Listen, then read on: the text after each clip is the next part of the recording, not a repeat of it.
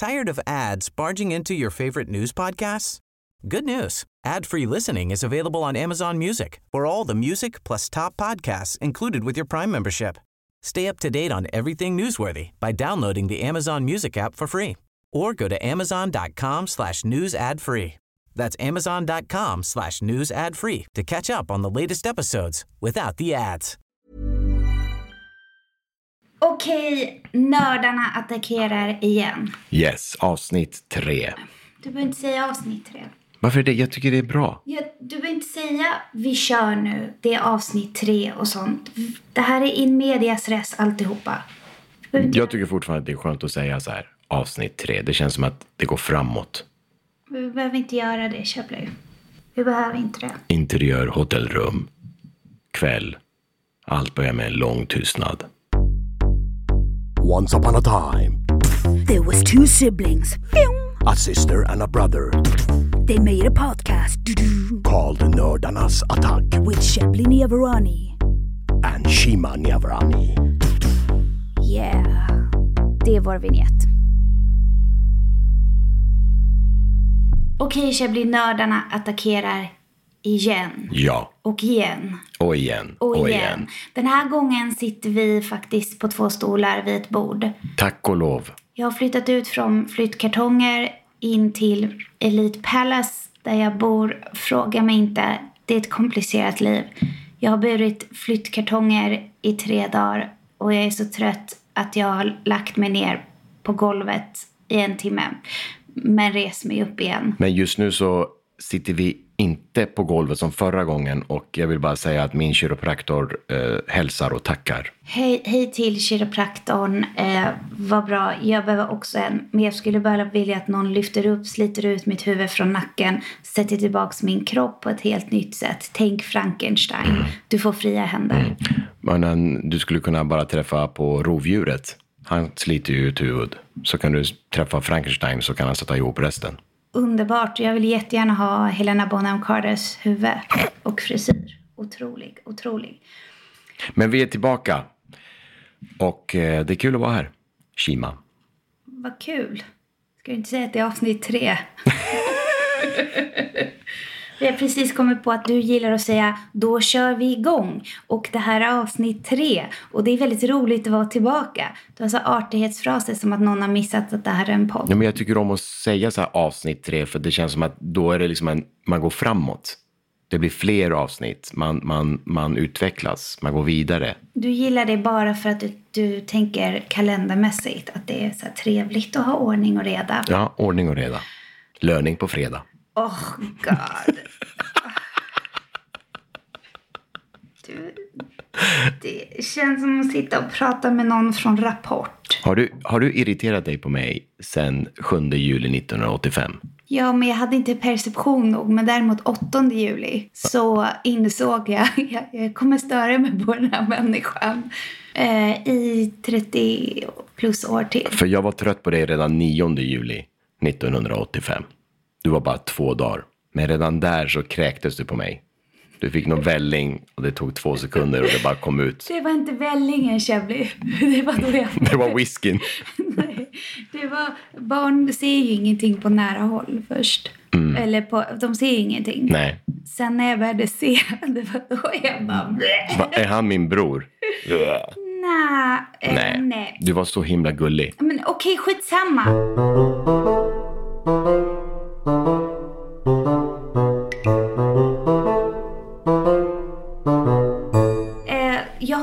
Har stakat lite på nätet. På vad? På vem? På dina ex. Nej, jag skojar.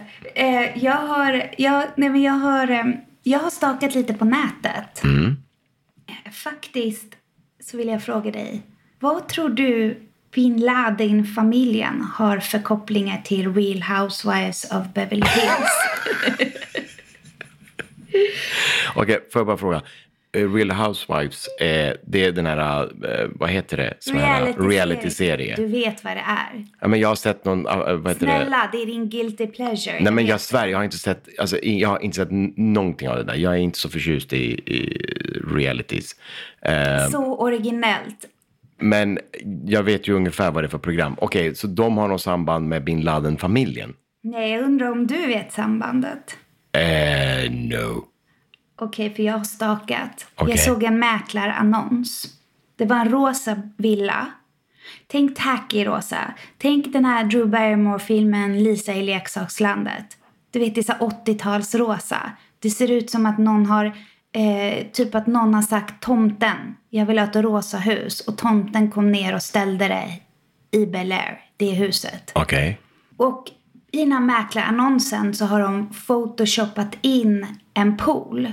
För att allt är så nedgånget och slitet. Och ingen har bott där på 20 år. Och den här annonsen gick ut innan inflationen. Eh, alltså innan pandemin och allting. Så det är inte så konstigt om, hade den gått ut nu så hade det inte varit så konstigt om de inte fått den såld. Men den har liksom legat osåld i, så, i några år. Ingen vill köpa den här villan i Bel Air. Och det är ju lite konstigt. Ja. Ehm, Det är bra mark det ställe och den går ut på typ, jag tror att de sänkte priset med två miljoner dollar dessutom. Eftersom de inte lyckas få den såld. Och priset är baserat på helt land value. För att huset har inget värde. Så de försöker sälja den till någon som kan tänka sig riva det här huset och bygga upp något nytt igen. Och anledningen till varför den har stått tom i 20 år är för att den har stått tom sedan dagen för terrorattentatet i Twin Towers, 9-11. Okej. Det här huset ägdes, eller det är alltså Ibrahim bin Laden, Osama bin Ladens bror, som försöker få den såld. Okej. Och han kom till USA från Saudiarabien eh, på, på 80-talet någon gång. Bin Laden-släkten emigrerade på 1900-talet från Jemen. Så de är först från Jemen, sen hamnar de i Saudiarabien och blev en sån här eh, väldigt, väldigt rik och förmögen familj. Och på 80-talet träffade Ibrahim dottern till en armenisk affärsman i Orange County. Orange County är också ett sådant område som typ Beverly Hills, Bel Air. Det är väldigt rika personer som bor där. Det är stora fastigheter. Det är väldigt åtråvärt. Och ehm, den här armeniska affärsmannen, det man kan säga om armenier i LA är att det är en väldigt stor minoritet. Som typ um, Kardashian-familjen. Eh, Robert Kardashian, pappan, var ju eh, Armenier. armenier. Eh, och de är också lite som iranier i, i USA. Alltså att de, eh, de finns helt enkelt i, i Beverly Hills och eh, i eh, Bel Air. Och det är liksom en stor eh, minoritet i just Los Angeles. Och det är inte, alltså armenier och Alltså det finns ju armenier i Iran också. Allt det här är det gamla persiska riket. Skitsamma. Um, Avsnitt ett igen. Eh, låt mig förklara Ja. nu om armenierna. Um, nej men han, den här affärsmannen eh, eller eh, Ibrahim träffade då den här armeniska affärsmannens dotter genom sin vän Dodi Fayed. Och Dodi Fayed var alltså prinsessan Dianas kärlek. Den Just hon det. eh, hade en kärleksrelation med som vi känner igen från medierna. Och den här då dottern till affärsmannen hette Christine Hartunian. Och Ibrahim bin Laden och hon skilde sig på 90-talet. Men sen så kunde inte jag släppa det här faktumet att det var Ibrahim bin Ladens hus och att han var någon slags jetsetter i Bel Air. Och då googlade jag på dem och gick och stakade dem på Instagram. Som att jag inte har 83 andra produktioner att jobba med så sitter jag också och nattscrollar på eh, bin Laden-familjen. Och deras dotter eh, heter då inte pappans efternamn av förklarliga skäl. Hon är en här illustratör och art director, art director i typ Brooklyn. Okej. Eh, och i mitt huvud så kunde inte jag komma ifrån det här att typ en hipster och Osama bin Laden och ett rosa Bel Air-hus har en koppling. Så jag dök ännu djupare ner i kaninhålet och hittade då att den här mamman då och den här dottern är kompisar med Kyle i Real Housewives of Beverly Hills. De har alltså typ gratulerat varandra så här, typ happy birthday my beautiful och då var jag så här, vänta, vänta, vänta nu. Och för att zooma ut och gå tillbaka till källan så var jag än en gång tvungen att kolla, dubbelkolla dotterns efternamn, mammans efternamn, Ibrahim bin Ladin. Du, dubbelkollat Ibrahim bin Laden är alltså bror till Osama bin Laden. Och jag är i ett mindfuck. Ja, jag förstår det. Men Det är för att sinnebilden är att bin Laden, Osama bin Laden då, men vi känner igen honom som bin Laden, eh, är en typ eh, liten afghansk man. Alltså han är första, för det första inte afghan. Eh, terrorismen i Afghanistan skapades ju liksom inte på det sättet av, eh, av afghaner. Alltså deras folk har blivit så hårt rövknullade i så många decennier. Det kan vi gå in på sen. Men man tror att det är så här.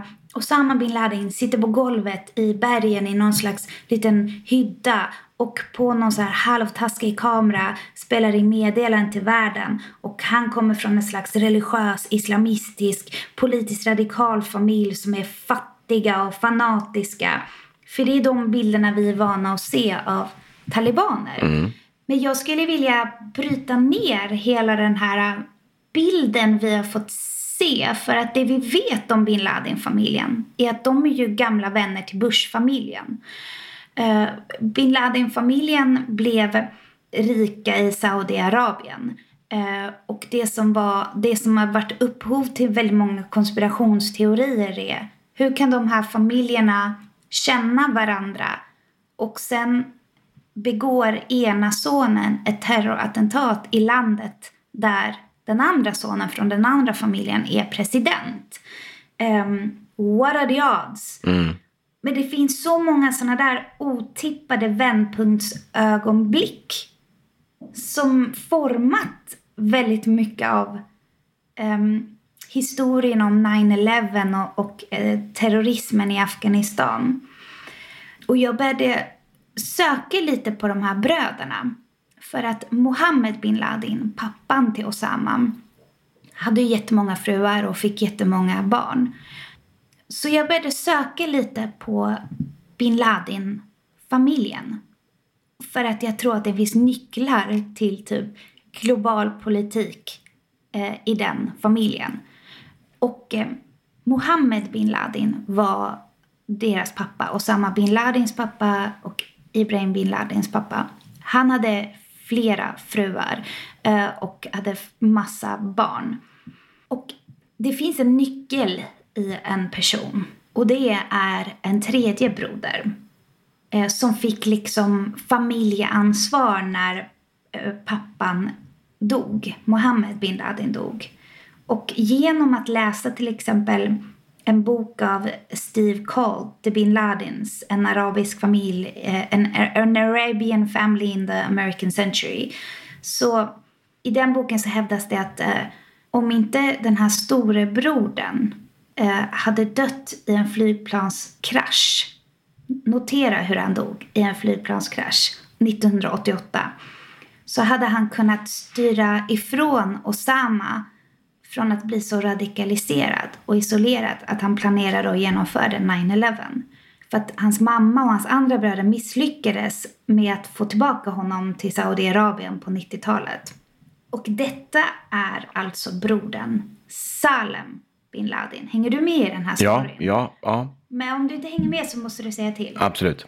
Ehm, och det var han som hade kunnat göra så att bin Laden, Osama bin Laden inte be- begått de handlingar han gjorde.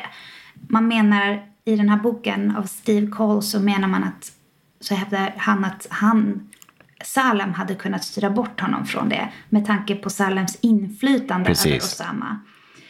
För deras pappa Mohammed dog på 60-talet. Och han var en vaktmästare som byggde upp en landsförmögenhet i Saudiarabien. Han blev en väldigt framgångsrik byggherre. Och 1967 dog Mohammed, notera hur, i en flygkrasch i öknen i regionen Assir. Och så som det blev berättat för till Osama var att kraschen berodde på att en före detta så här, um, en pilot från US Air Force hade begått ett misstag. Och eh, han hette Jim Harrington. Och det var anledningen till kraschen. Och det här fick Osama berättat för sig um, som barn. Att pappan dog på grund av misstaget av en amerikansk pilot i en krasch i öknen av Asir. När bin Laden koordinerade 9-11 och eh, flygplanskraschen i Twin Towers så var just fem av dessa hijackers från Asir. Hmm. Och då har vi alltså att pappan har dött i en flygkrasch och brodern, äldre brodern, också dött i en fly, eh, flygkrasch. Och med äldre brodern var det så att det var just amerikanska läkare som inte kunde rädda broderns liv. Och den här brodern är alltså Salam bin Laden. Ja. Som gick i privatskola i England och han, var, eh, han spelade i rockband och grejer. Eller? Precis. Så det, det här är ehm, så intressant med hela den här storyn. Eh, med tanke på den bilden vi har av Al-Qaida och att man gärna beskyller afghanerna för terrorismen och talibanismen och Al-Qaida. Men den här historien är alltså mycket mer komplex. Um, Salem var ju ett rikemansbarn. Han gick precis som du sa på privatskola i England, han spelade i rockband och han älskade den amerikanska livsstilen. Och varför den amerikanska livsstilen, varför jag säger så är för att typ på 50, 60, 70-talet. Det var, 50-talet var eran av reklam. Um, allting blev väldigt kommersialiserat och, och, och det blev den amerikanska kulturen stod mycket för att man säljer produkter. Det är reklam. Tänk Mad Men. Ehm, man säljer en livsstil, man säljer behov som människor kanske inte har. Och man ska eh, försöka få det bästa här i livet. Och det blev, det, det blev en livsstil, det var konsumism, kommersialism. Och sen, amerikanska livsstilen blev ju mer och mer genom då den här reklamkulturen också så stark inom popkultur, Hollywood. um, och det är det man pratar om delvis när man pratar om amerikanisering. Alltså amerikanisering av en kultur. Det är inte kultur, det är a way of life. Och det bygger på pengar. Ehm, och Salem då var en jetsetter som hängde med kändisar och var känd för att så här, han, Dom Perignon var hans grej. Han beställde massvis med så här stash av dyr champagne till sina fester. Men alltså på den nivån att han kunde så här beställa en helikopter. Typ så här, kan du komma med 200 flaskor Dom Perignon till den här festen? Dom Perignon, jag kan inte säga det. Um, Osama gick åt det andra hållet. Han var inte så förtjust i detta. Han ville vara en lärd man. Han skrev poesi och studerade islam. Och på 70-talet, som vi även nämnde i vårt första avsnitt, när vi pratade om just vet, många länder som Iran, Mellanöstern, alltså folk som politiskt störde sig på USA. Det USA gjorde i Vietnamkriget och hur långt den här amerikaniseringen gått. Eh, många av dem, eh, det kan man även se i, i Sydamerika, att det fanns en andlig politisk liksom Motstånd liksom. motstånd som var som en antites till amerikanska, det icke-kulturella, icke-andliga framfarten. Och USA plöjde ju, plöjde ju liksom väg för att de gick in i hjärtat av ungdomen med sin popkultur, med reklam och fick en väldigt stark influens liksom, både i Mellanöstern, Europa, Sydamerika etc. Och Osama på något sätt, han var liksom mot det här, han ville åt ett annat håll, så han var lite rebellisk kan man säga, eh, han- i hans familj liksom. Ja, han var familjens svarta får. alltså det här var ju en jet-setting saudiarabisk Superrik familj liksom. superrik familj där pappan hade gått från att vara vaktmästare till att bygga upp en förmögenhet. Så de var ju nyrika i sin mentalitet. Det gällde att köra all in på alla roliga saker man kan göra med pengar. Men Osama studerade, till skillnad från sina bröder då, som gick i privatskolor och sånt. Han studerade i en skola i Libanon. Notera, det var en elitskola. Det var fortfarande, han var fortfarande rikemansbarn. Han studerade till att bli ingenjör. Han avlade en examen i ekonomi och förvaltning. Och han ägnade sig åt poesi. Vilket var väldigt ovanligt för killar i hans position och hans klasstillhörighet.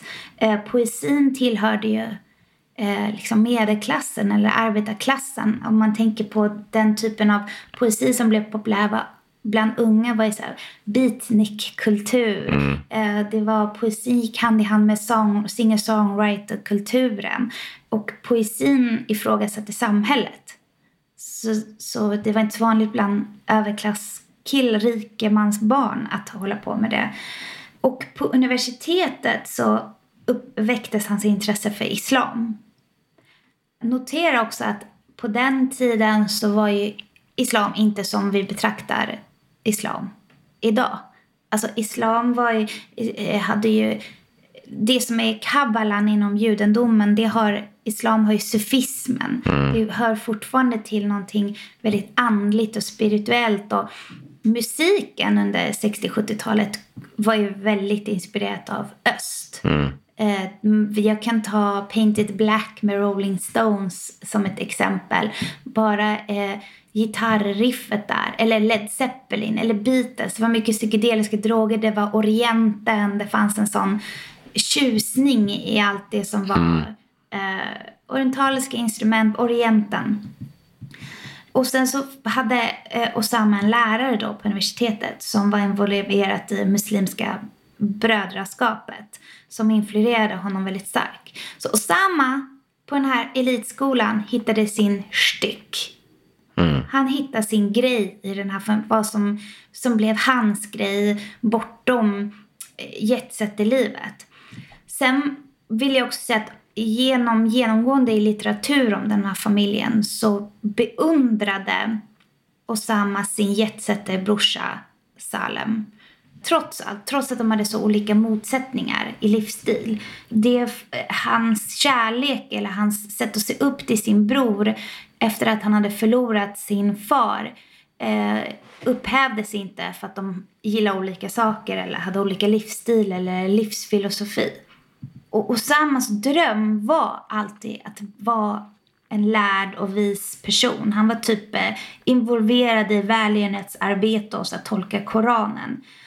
Sen är det lite specifikt med hur han tolkade Koranen. Ja, uppenbarligen inte på ett På ett så bra sätt. intelligent Nej. sätt. Nej.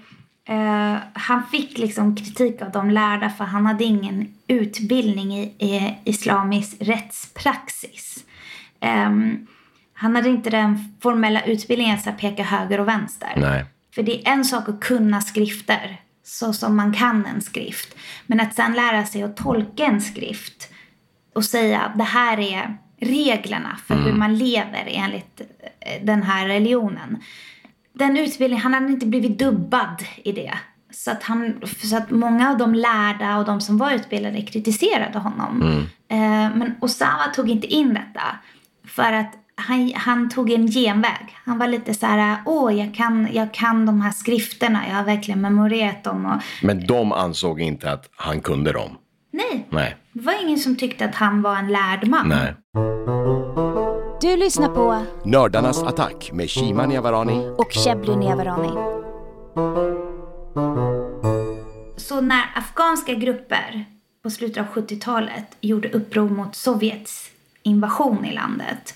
Så det som hände var att eh, där är det så här, efter kalla kriget eh, Sovjet eh, hade inflytande i Afghanistan och eh, utan att gå in på för mycket detalj, du kanske vet mer om det, men de rövknullar landet. Det var så det började. Ja, nej, men det var ju också att det, det fanns ju den här äh, rädslan för ryssen. Och USA ville ju inte att eh, Sovjet skulle ha den här makten de hade börjat att få efter sin invasion i Afghanistan. Så att de började ju liksom försöka att hjälpa grupper att försöka att slå ner Ja, Sovjetunionen jag och kasta ut var, dem. vad gjorde Sovjet där från första början? Mm. Vet Jag du det? Nej. De gick dit för att det fanns eh, det fanns typ ett regeringsmotstånd mot den sittande regeringen i Afghanistan. Och eh, Sovjet gick dit för att hjälpa den här gruppen. Men det de gjorde var helt enkelt att försöka ta över och rövknullade Afghanistan. Vi vill inte gå in på vad Sovjet gjorde för det är, inte, det är relevant men, eh, men inte helt och hållet i, i den här storyn. Utan det vi kan säga då är att det var så det började för Afghanistan. Afghanerna var typ ett ganska fritt folk. De hade inte de här militära musklerna. Men de hade universitet, de var bildade, de, de hade sitt lilla land som tyvärr också satt på oljetillgångar och var viktiga i regionen bredvid Iran. Men Iran var ju en gigantisk maktjätte med jättestarka allianser. Eh, och i Afghanistan så hade de inte den typen av muskler Nej. eh, och allians. Och Osama blev ju ursinnig av den här invasionen och han bestämde sig för att åka dit och göra någonting åt saken. Ja, alltså Osama åkte till Afghanistan för han såg sin chans. Och eftersom att USA såg det här som en del av liksom, kalla kriget mot Sovjet så ville USA och än en gång CIA in Såklart. och försöka finansiera motståndet mot Sovjet. Och de investerade miljardtals dollar på vapen till det de kallade afghanska frihetskämpar, det vill säga al-Qaida. Så frivilliga slöt upp från andra länder och blev upptränade av CIA att bekämpa Sovjet. Och en av dem var Osama. Osamas kodnamn i det här var, gissa vad? Eh, nej, jag vet inte. entreprenören. Aha, eller bankiren. Bankiren, just det. Vilket är talande för hans roll i det hela. Osamas självbild var att han var en lärd poet eh, som gick dit och var en frihetskämpe. Men hans kodnamn talar väldigt väl för hur de egentligen såg på honom i allt det här. Han hade pengar. Att han var en rikemansgosse från Saudiarabien. För det finns, det finns också alltså, eh, berättelser om att han lyckades ju också locka över eh, en massiv med, med vad de kallade för arabiska krigare från eh, Tunisien och Kuwait och Irak och Libanon bland annat. Och att han också finansierade utrustning. Han har senare i sitt liv har försökt att liksom på något sätt minimera sin insats eh, under eh, liksom en period. Att han- nej, men det var, jag gjorde inte så mycket. Men det, Hur då och varför då? Nej, det, det, det är ingen som verkligen vet varför han försökte liksom bara tona ner sin, sin egen liksom... Han eh, kanske försökte tona ner sin pengamakt. Ja, och att han kanske liksom på något sätt ville mer prata om, om islam och vad, vad man gör för sin tro, liksom, mer än att jag, jag gjorde det och det och det. Eh, och, och det finns, men det är väldigt många som har sagt att jo, men han lyckades för komma liksom... Vilka är många? Nej, men alltså, av, av det som finns skrivet om det här, bland annat Robert Fisk diskuterar det här i sin bok, liksom, när, när det, det, det var verkligen väldigt tydligt att hur han lyckades liksom locka över de här männen, de här krigarna som kom dit med utrustning. De tränade, de hade olika, vad heter det, läger där de tränade. Och vilket som senare blev ju också att när han väl drog igång al-Qaida på riktigt, för då var de ju fortfarande inte al-Qaida, de var ju en annan eh, organisation. Då blev ju liksom att de tog tillbaka det de hade lärt sig under kriget mot Sovjet. Liksom. Då hade de samma typ av träningsläger med de här människorna. Och där, där menade han att, att så här, nej men jag gjorde inte så mycket, men, men det var väldigt tydligt att det var han som stod bakom både delvis pengar till utrustning, men också att han lyckades föra över de här människorna som kom för att kriga. Får jag spekulera? Det känns som att det där krockar med hans självbild. Mycket möjligt. Att, ja. att det mest högstående man kan vara inom, inom den här typen av frihetskämpa med andlighet under den här eran i Mellanösterns historia är på något sätt att du är lärd. Alltså pengar var USAs medel. Så att komma in där med pengar och köpa upp saker eller köpa muskelstyrka är inte lika attraktivt Nej. som att bara vara en väldigt här, eh, andlig, lärd person. Precis. Eh, Och respektabel på det sättet istället för att det är bara money, money, money liksom. Ja, för att de ser sig själva som att de sitter på någon större sanning. Eh, och ett, eh, i, i en intervju 98 så sa bin Osama, jag är Allahs tjänare och lyder hans order. Men det tyckte ju liksom inte de lärda i islamisk rättspraxis. De Precis. tyckte inte att han var en, eh, en Allahs tjänare och lydde hans order. För de tyckte inte han kunde avgöra det. För de hade, han hade inte den utbildningen. Nej. Ehm, För jag skulle bara säga också att Mm. Al-Qaida, det som växte fram, det som blev Al-Qaida, det kom ju från en gerilla, eh, vad ska man säga, en, en gerillaorganisation som eh, hette Maktab al eh, Khidamat, som förkortades med MAK, M-A-K. Och de verkade ju under Sovjetunionens eh, ockupation av Af- Afghanistan på 80-talet. Och Osama... Maktab al-Khadamat. Alltså nu- mitt uttal eh, är ju inte helt eh, perfekt. Men MAK var förkortningen. Och de var den här, det här gänget som, som grundade och Osama var Tired of ads barging into your favorite news podcasts? Good news. Ad-free listening is available on Amazon Music for all the music plus top podcasts included with your Prime membership. Stay up to date on everything newsworthy by downloading the Amazon Music app for free or go to amazon.com slash news ad free. That's amazon.com slash news ad free to catch up on the latest episodes without the ads. en av grundarna tillsammans med en palestinier som heter Abdullah eh, Azam.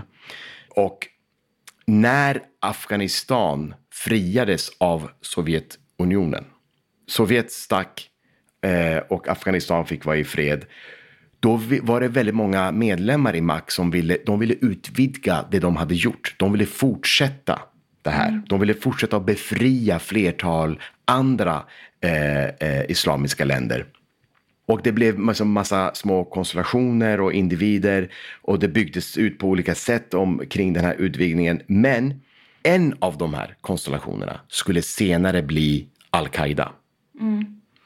Och det, alltså man kan säga att det grundades egentligen, det är väl inte helt säkert, men att man brukar säga 88 är det då man först kan säga att den här gruppen Al-Qaida eh, växte upp. Sen var det också massa olika typer av problem såklart i de här gängen, för alla ville också dra åt olika håll. och Såklart. Ja, och det var flertal av andra eh, de här konstellationerna som bland annat den andra snubben hade hittat på, eh, den här Abdullah Azam. Eh, där de gick under mer eller mindre bit för bit och många av de här som var med i de konstellationerna flyttade sig över till Al-Qaida och blev en del av Osamas eh, gäng. Alltså, eh, så att och, Osama byggde al-Qaida mot den salafa, salafistiska wahhabismens tolkning av islam. Som en väldigt specifik tolkning. Det här är inte för den liksom allmänna lyssnaren så är inte det här en vanlig tolkning av islam. De flesta människor som är muslimer har inte en så specifik tolkning. Det finns shia-muslimer, det finns sunni. Men regular people, de bara, de gör sin bön och försöker vara goda människor. Och till en början var det faktiskt också att Osama bin Laden ville leda al-Qaida på en icke-militär nivå. Han menade alltså inte att man skulle vara en militärisk grupp. Och det var andra som sa jo, vi ska fortsätta vara militärisk eh, grupp och vi ska liksom fortsätta befria de här länderna. Ja, för att Osama vill, alltså när Osama eh, liksom hade hjälpt till att befria Afghanistan från Sovjet så återvände han ju till eh, Saudiarabien som en hjälte. Ja. De var så här, wow, han, eh, han fick en hel typ av, han fick en dignitet och ett, ett värde och han var en frihetskämpe då på den här tiden. Um, och för det här utslaget, för det här utslaget gentemot um, Sovjet var ju också en amerikansk triumf. Absolut. För som sagt, det var ju CIA som lärde upp de här. De gick också och hämtade eh, pakistanska eh, frivilliga som fick vara del av eh, den här frihetsrörelsen gentemot Sovjet. Ja, och USA älskade ju Osama då. Han hade ju gjort dem en stor tjänst. Han var ju liksom en av boysen där. Exakt.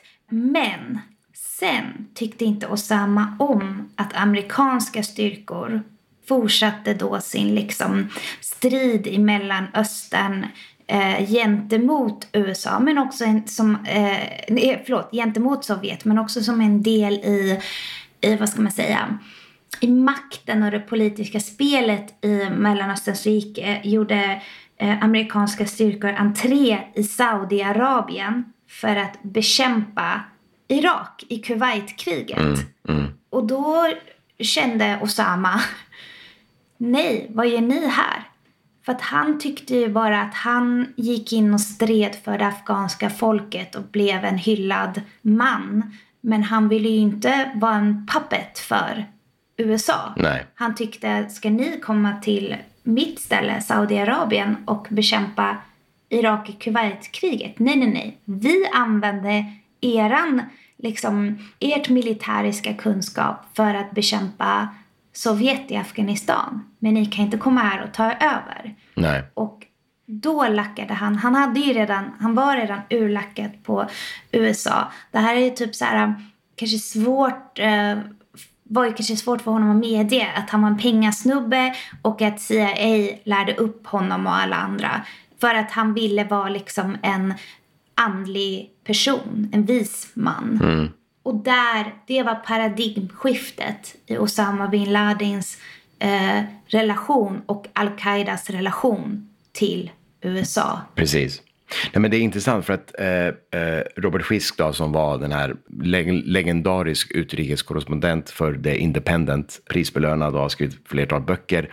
Han eh, träffade ju honom vad man vet, vad som i alla fall liksom på något sätt beskrivet vid tre olika tillfällen. Och första gången de träffas i just Sudan då, som du var inne på, eh, så är det, det är ett möte som beskrivs som väldigt kyligt. Han blir liksom eh, ledd in till det här tältet.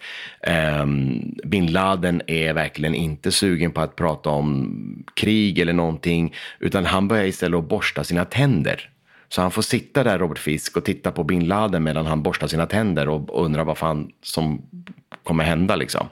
Men bit för bit så, så eh, får de ändå en respektfull eh, relation där de börjar prata och han börjar kalla honom för Mr Robert. Så under resten av hans liksom, liv, alla meddelanden från bin Laden var så här, Mr Robert. Sådär.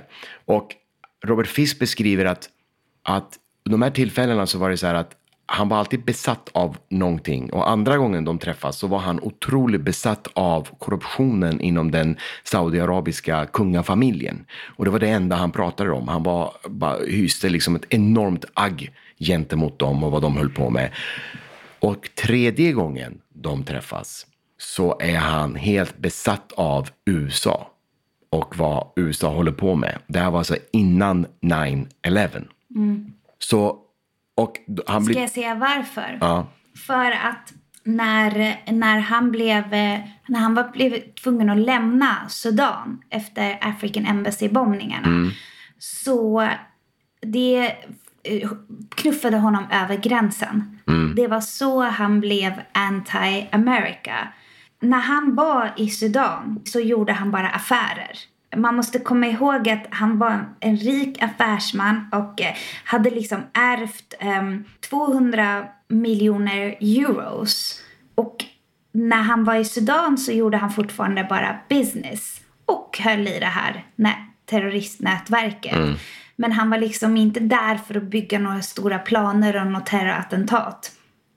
Och när de, deras intelligence agency i USA liksom övervakade honom så kände han att saker var under kontroll. Men efter Sudan så återvände han till Afghanistan för efter att ha blivit expelled, alltså bortmotad från Sudan. Och då var han bortom kontroll. För då hade USA gjort ett statement mot honom och han blev anti-American. Robert Fisk, som, som, eh, han gick ju bort eh, i oktober eh, 2020. Han får ju frågan om vad han, vad han kände när, när, när eh, nyheten kom att Osama bin Laden hade, hade blivit eh, dödad. Och han beskriver det som att så här, nej, men jag, jag kände ingenting specifikt. Liksom. Och han pratar också om att, han menar också att egentligen hela al-Qaida hade förlorat extremt mycket mark och sympatier långt, långt innan Osama bin Laden blev dödad. För han menar att det var liksom arabländerna själva som också valde bort den doktorin som Osama bin Laden höll på med. Det var ingenting som de ville ha, så den spred sig inte på det sättet som vi alla har trott så otroligt mycket.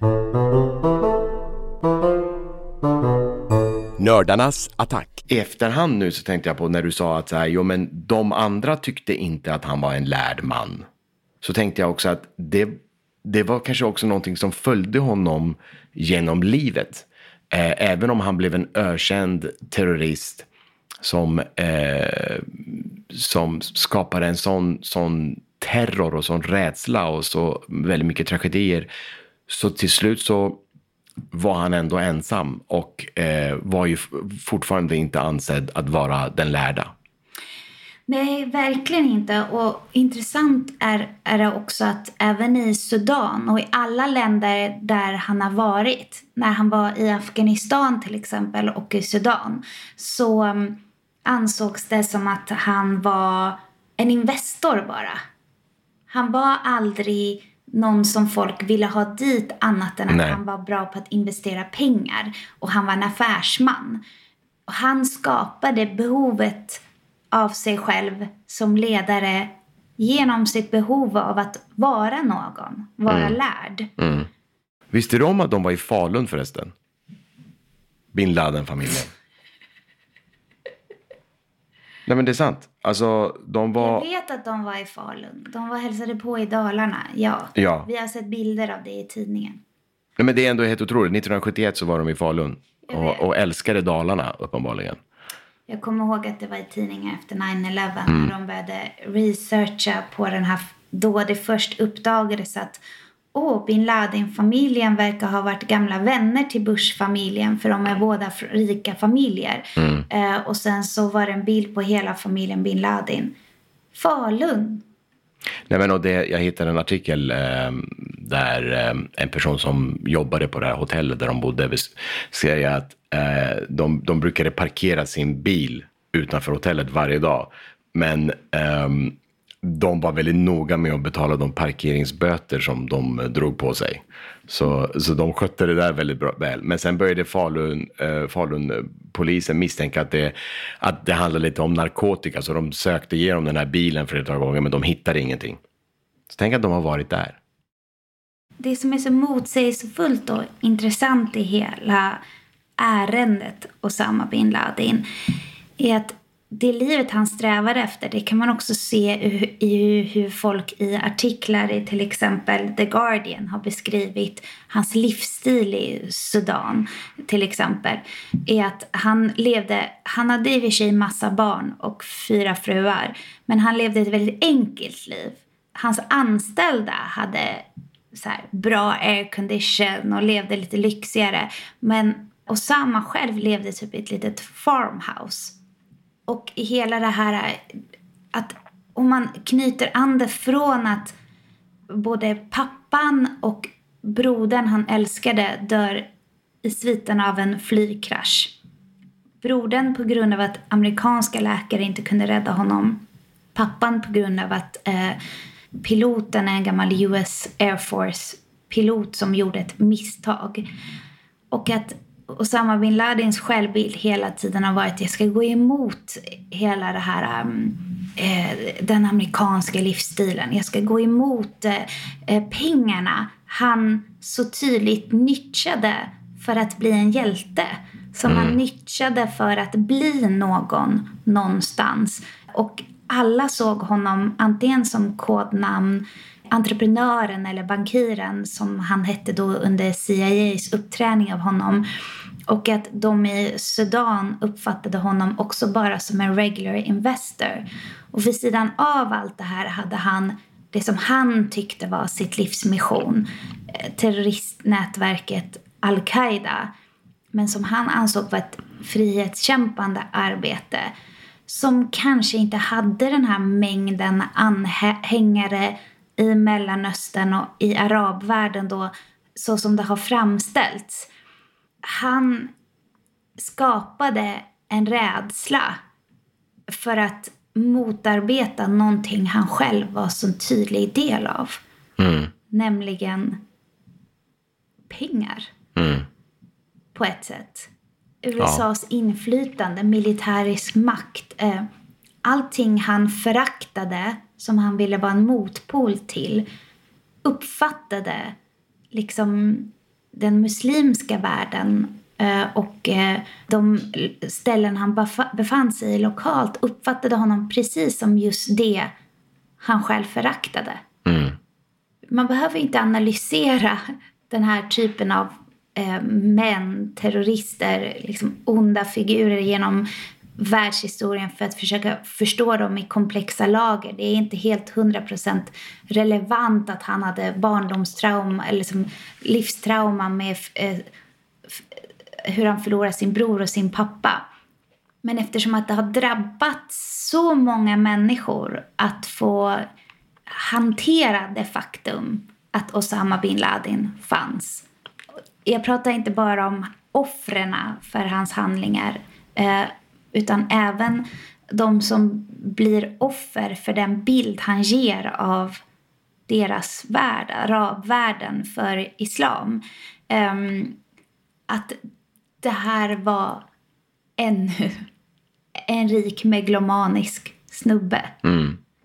Alltså, ja, och, Om man ska dra det till sin spets. Ja, precis. Och att, och att eh, precis som du säger, att, att, att eh, jag menar, allting förändrades ju efter eh, 9-11 liksom, på ett helt annat sätt. Många, många av de här terroristattackerna hade ju skett i flertal länder liksom innan, men det var ju inte... Det I hade, arabvärlden. I arabvärlden, men, men nu slog det ju liksom mitt i på något sätt symbolen för frihet och, och eh, orsakade så eh, eh, extremt eh, mycket liksom, tragik. Men, men också att offren har ju också varit väldigt många människor just i arab, arabvärlden och, och liksom bara hur, hur vår syn förändrades på, på, av en flygplats. Alltså, allt, alltså hur vi ser idag på, på flyget. Jag vet i alla fall jag gör det. Alltså det är så här, allting... Ja, med stickkontrollerna. Ja, ja alltså, allting förändrats liksom. Alltså inte det... för att dra ner det här till personlig nivå, men också jo. Men jag menar hur man har sett på män från Mellanöstern sen den dagen. Ja. är så djupt, djupt problematiskt. Mm. Stickkontrollerna på flygplatsen, att vem som helst kan vara en potentiell terrorist bara du ser ut på ett visst sätt. Mm. Och du har ju skägg. Ja, jag, och, jag fattade ju själv att alltså, jag kan ju aldrig åka... Jag, jag flyger ingenstans i kostym längre. Det slutade jag med mm. efter. Bara för att jag satt ju i Wien när jag skulle hälsa på vår kusin.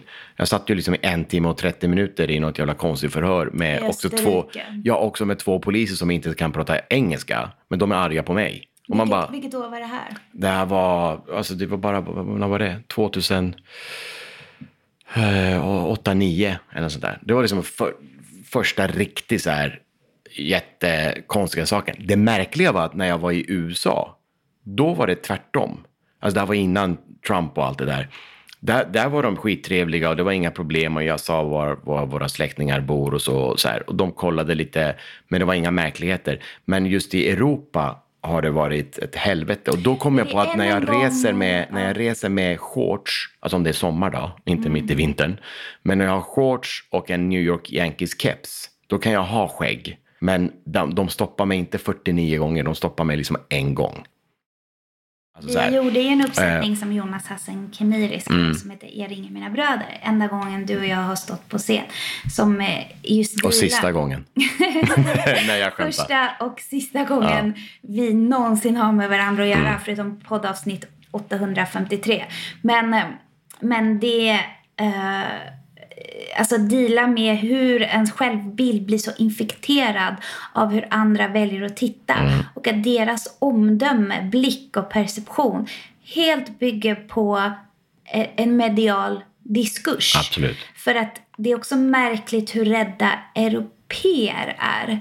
Eh, sen förstår jag alltså det har, det har hänt liksom i England och, eller London och sådär. Eh, eh, England och USA är ju så tydliga stora liksom, imperier gentemot eh, den världen eller liksom de som vill ha bort deras makt och inflytande från eh, till exempel Afghanistan. Men att det är så roligt att random länder som inte potentiellt skulle kunna vara hotade av det här ibland nästan har en större rädsla än amerikaner. Mm. Sen i Amerika, eller Amerika, USA, Amerika består av, eh, det är inte bara USA, eh, men USA är så splittrat land så det är såklart att de har ju också en väldigt, väldigt stor, deras land bygger så att säga på invandring. De har väldigt många fler nationaliteter så mm. de är också vana med att Ja, men sen är det själva också... försöka förstå på en flygplats, vi är dumma i huvudet, men så är det en annan som jobbar på flygplatsen som fattar ja, du får råka ut för den där stickkontrollen väldigt många gånger. Så att det ska vara lite trevligt. Precis, men det är därför det är också väldigt viktigt att det finns hela tiden olika typer av bilder och perspektiv som pumpas ut och kan bli mainstream. Bara för att när vi ser också samma Eh, bilder om och om igen. Vi ser samma galningar som bränner amerikanska flaggan och det bara pumpas ut till oss liksom dag in, dag ut. Det är väl klart att till slut så börjar vi ju se omvärlden med de ögonen av det vi har sett. Och där blir det extremt viktigt också att det finns det, att, att det måste finnas andra typer av bilder eh, som, som, där, från de här länderna där man ser att nej men vänta nu, det, så, så, här var inte ja, hela Irak. Får man den här nyhetsutkablingen vill man också förstå att det Ja, men även i populärkultur, alltså där, där jag tycker det, vi är väldigt ja, dåliga populärkultur på. Populärkultur är ju bara typ en spegel av politiken. Det är liksom, och de här nyheterna ställer just nu. Så varenda arab du ska se i en film är en terrorist. Alltså allt har med... Och gärna ropar imchi imchi jalla. Har du märkt det? I alla Hollywoodfilmer så är det alltid en arab som bara imchi imchi. Och jag, bara, jag tror inte de säger imchi imchi till allt möjligt. Nej men alltså det, det, blir ju, det är ju bara en, en stereotyp. Jo men det är ju också, du vet så här. Eh, det är alltid så när det ska, en film ska utspela sig i, i någon av uh, arabländerna. Det är, så här, det är liksom en väldigt, väldigt varm sol. Kameran går ner till en sån här musik som är... Ja, men det är så här, men det är så böneutrop. Ja. Och sen, och sen så kameran panorerar ner och det är alltid öken. Som om det är så här, hela den delen det, av det världen är bara... Det finns inte en vanlig stad med Exakt. folk som hoppar. Och sen är det kameler eller dromedarer eller så är det, så är det alltid någon som bara kommer och sen i, på, på avstånd så hör man Jalla! Alltså det är alltid exakt samma grej. Och sen är det så en mörk man med enorma ögonbryn bakom en så här skynke, täckt ansikte. Och det är sand som... Det är så här, varenda film Jag vet, men så. Alltså, det är så tröttsamt. Så att, jag, alltså, att det känns som att också det har varit så här i 20 år minst. minst. Eller alltså det har varit så jämnt. Jo, men du vet, jag tänker så här att innan allt det här, då fanns som vår egen mamma till exempel älskar ju Omar Sharif, den mm. briljanta skådespelaren. Eh, det där finns ju inte på samma sätt. Alltså. Men det fanns en annan typ av exotifiering. Ja, alltså det redan, fanns det. Redan på 20-talet, oh, ja. om man tänker varietékultur och stumfilmseran, då fanns det en... Ja, Casablanca, det är liksom byggt på... Orientalismen var exotifierad. Men det fanns en positiv bild av det. Det är bara för att det är så närhetsprincipen. Mm. Och här är det avståndsprincipen. Så allt som är lite väl långt borta blir en stereotyp. Exakt. Men den här diskussionen är så tröttsam att jag idag i det här läget när folk fortsätter ingjuta de här stereotyperna och de här eh, bilderna och berättelserna som är byggda på, alltså lögn kanske är för starkt ord men det blir till slut så här, men snälla, eh, varje gång vi, det är som att varje gång vi skulle se en svensk så skulle den vara Gunde Svan. Mm. Eller, eller, eller typ eh, en man som rullar en barnvagn och i 35-årsåldern har hipsterskägg. Mm. Eh, nu är det här snälla Ja, och det där kan jag också irritera mig på. Det, till exempel i många svenska, eller förlåt mig, eh, amerikanska filmer, så, så, så fort det ska vara en svensk person eller någonting svenskt de pratar om, så är det ju liksom också så här, väldigt långt ifrån det, det jag känner är Men liksom de är, min... Det är Schweiz ja, eller Switzerland eller Sweden. Och det blir så jäkla töntigt när det är liksom, det, ska, det, det är alltid liksom eh, det, det är köttbullar och de ska liksom härma liksom hur eh, svenskan låter och sådär. Alltså det blir så, vi får ju alla de här eh, bilderna av oss som kablar oss ut på olika sätt. Ja, liksom. fast skillnaden med just om man tänker det som hände efter 9-11 för till exempel arabiska män är ju att deras position i samhället blev så missgynnad. Det var som att de alla var potentiella Ja. evil men. Och det är så djupt problematiskt. Alltså alla missgynnas ju inte av sina stereotyper. En, en, en, eh, ja, det är såklart att en, en tysk som kopplas ihop till förintelsen. Och vad tråkigt att du alltid ska vara en nazist. Men det finns ju också tyskar som framställs som att de har på sig såna här, alltså att de dricker öl och har på sig Ja, Lederhosen. Lederhosen typ. Och då är det inte så farligt typ. Eh, men, men det är bara ex- extremt tröttsam. Alltså jag undrar lite att folk inte skäms. Nej, men det finns ju också ett, ett, ett visst typ av missgynnande som gör att din, så att säga, din, din, stat, din status i samhället faller. Och det är där det händer ju den, den, den, alltså de människorna. Men det är inte bara ett statusfall. Det är inte bara en komisk grej då, Det är liksom. inte bara ett statusfall. Jag menar, alltså, man, man förlorar ju sin position i ett samhälle. Man får ju svårare att bygga upp ett liv. Man får ju en annan typ av eh, eh, förutsättning för, för, i sitt ja, liv. det är ju en total eh, miss, ett misstänkliggörande. Mm. Eh, och det är som typ så här, kvinnor från Afghanistan är offer och män från Afghanistan är någon slags förövare Mm. eller talibaner. Sen är ju talibanerna förövare. Ja, man måste ta sig tid för att liksom orka och eh, eh, liksom lyfta på de här stenarna för att se att allting vi ser är inte precis det som vi Men tror. ingenting är vad det till synes verkar vara. Nej. Om du märker att en enkel bild blir porträtterad framför dig, då vet du att det, det där är ett... Eh, det du ser är liksom ett stadigt berg. En, en image, en bild, en, en berättelse. är troligtvis bara 80 000 små stenar. Gud vad vackert sagt. Det var väldigt vackert sagt. Skriv ner det. Men du, en fråga här. En fråga. Eh, det här stakandet som du började med. Ja, Vad, hur går det till? Kan du utbilda oss? Alltså vad, vad, vad gör man då? men jag, jag gjorde precis som vi gör i podden. Jag dök, alltså det här var ju anledningen till vi- varför ens vi startade podden. Var ju för att jag började göra sådana instastories där jag går ner i kaninhålet. Och så tänkte jag, vem annan skulle potentiellt tycka det här var kul? Och då frågade jag ju såklart Henrik Schyffert först. Nej, jag skojar. Eh, men, Jo, men du, när, du, när, när, du stakar, alltså, alltså, du, du, du följer inte personen? Eller, eller följer du personen på Instagram och så, och så kollar du det jämt? Eller vad, hur gör Nej man? men gud, jag, jag vet inte ens vilka jag följer på Instagram. Nej men gud nej. Utan jag gick in på mäklarannonsen. Ja. Och så, så bara, och det här är eh, House of Bin Laden någonting i rosa. Jag bara, vadå House of Bin Laden? Hur kan de fortfarande ha en fastighet i USA? Och Bel Air av alla ställen. Och det var då jag tänkte, vänta, aha, det är hans bror. Varför är hans bror fastighet? Sen så visade det sig att de, han var ju tvungen att lämna det här huset direkt efter 9-11. Eh, Han kunde ju inte bo kvar i Bel Air och var så här Hi, I'm Ibrahim bin Laden. Ehm, och han var ju skild från sin fru sedan 90-talet etc. Så hon behövde ju inte tänka på det och hon lever i, med sitt eget efternamn.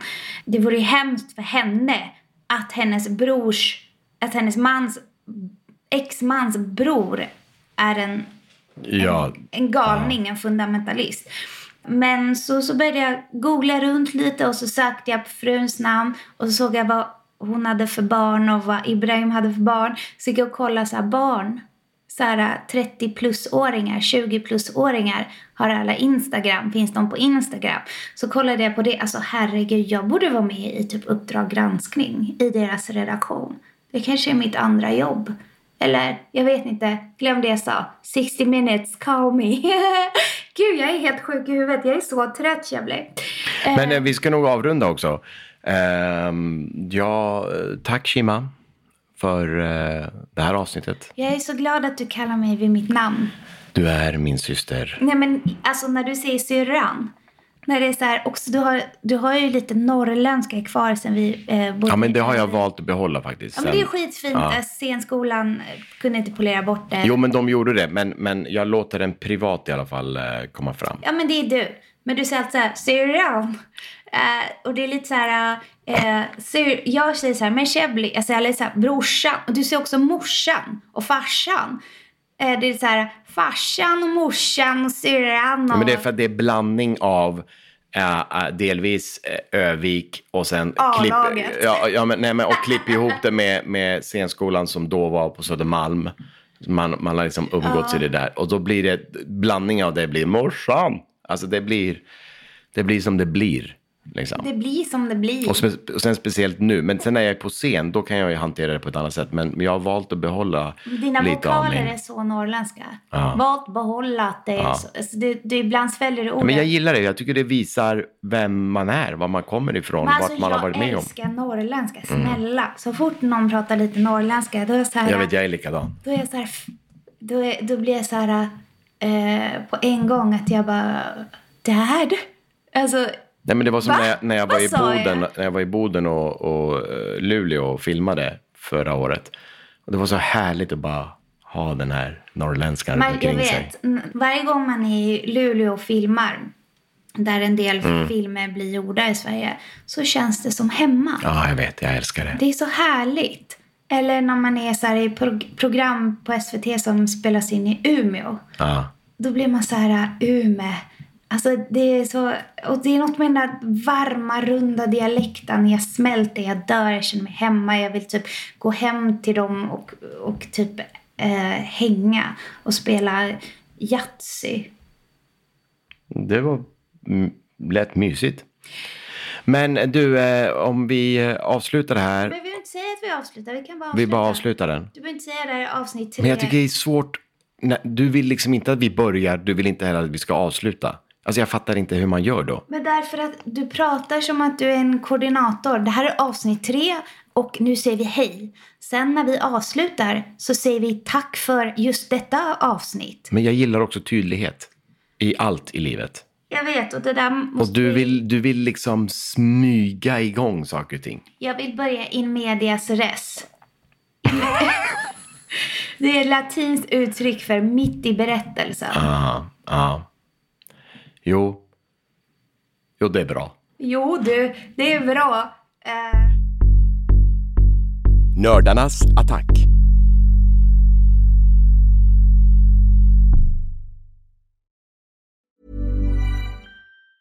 Tired of ads barging into your favorite news podcasts? Good news. Ad-free listening is available on Amazon Music for all the music plus top podcasts included with your Prime membership. Stay up to date on everything newsworthy by downloading the Amazon Music app for free or go to amazon.com slash news ad free. That's amazon.com slash news ad free to catch up on the latest episodes without the ads.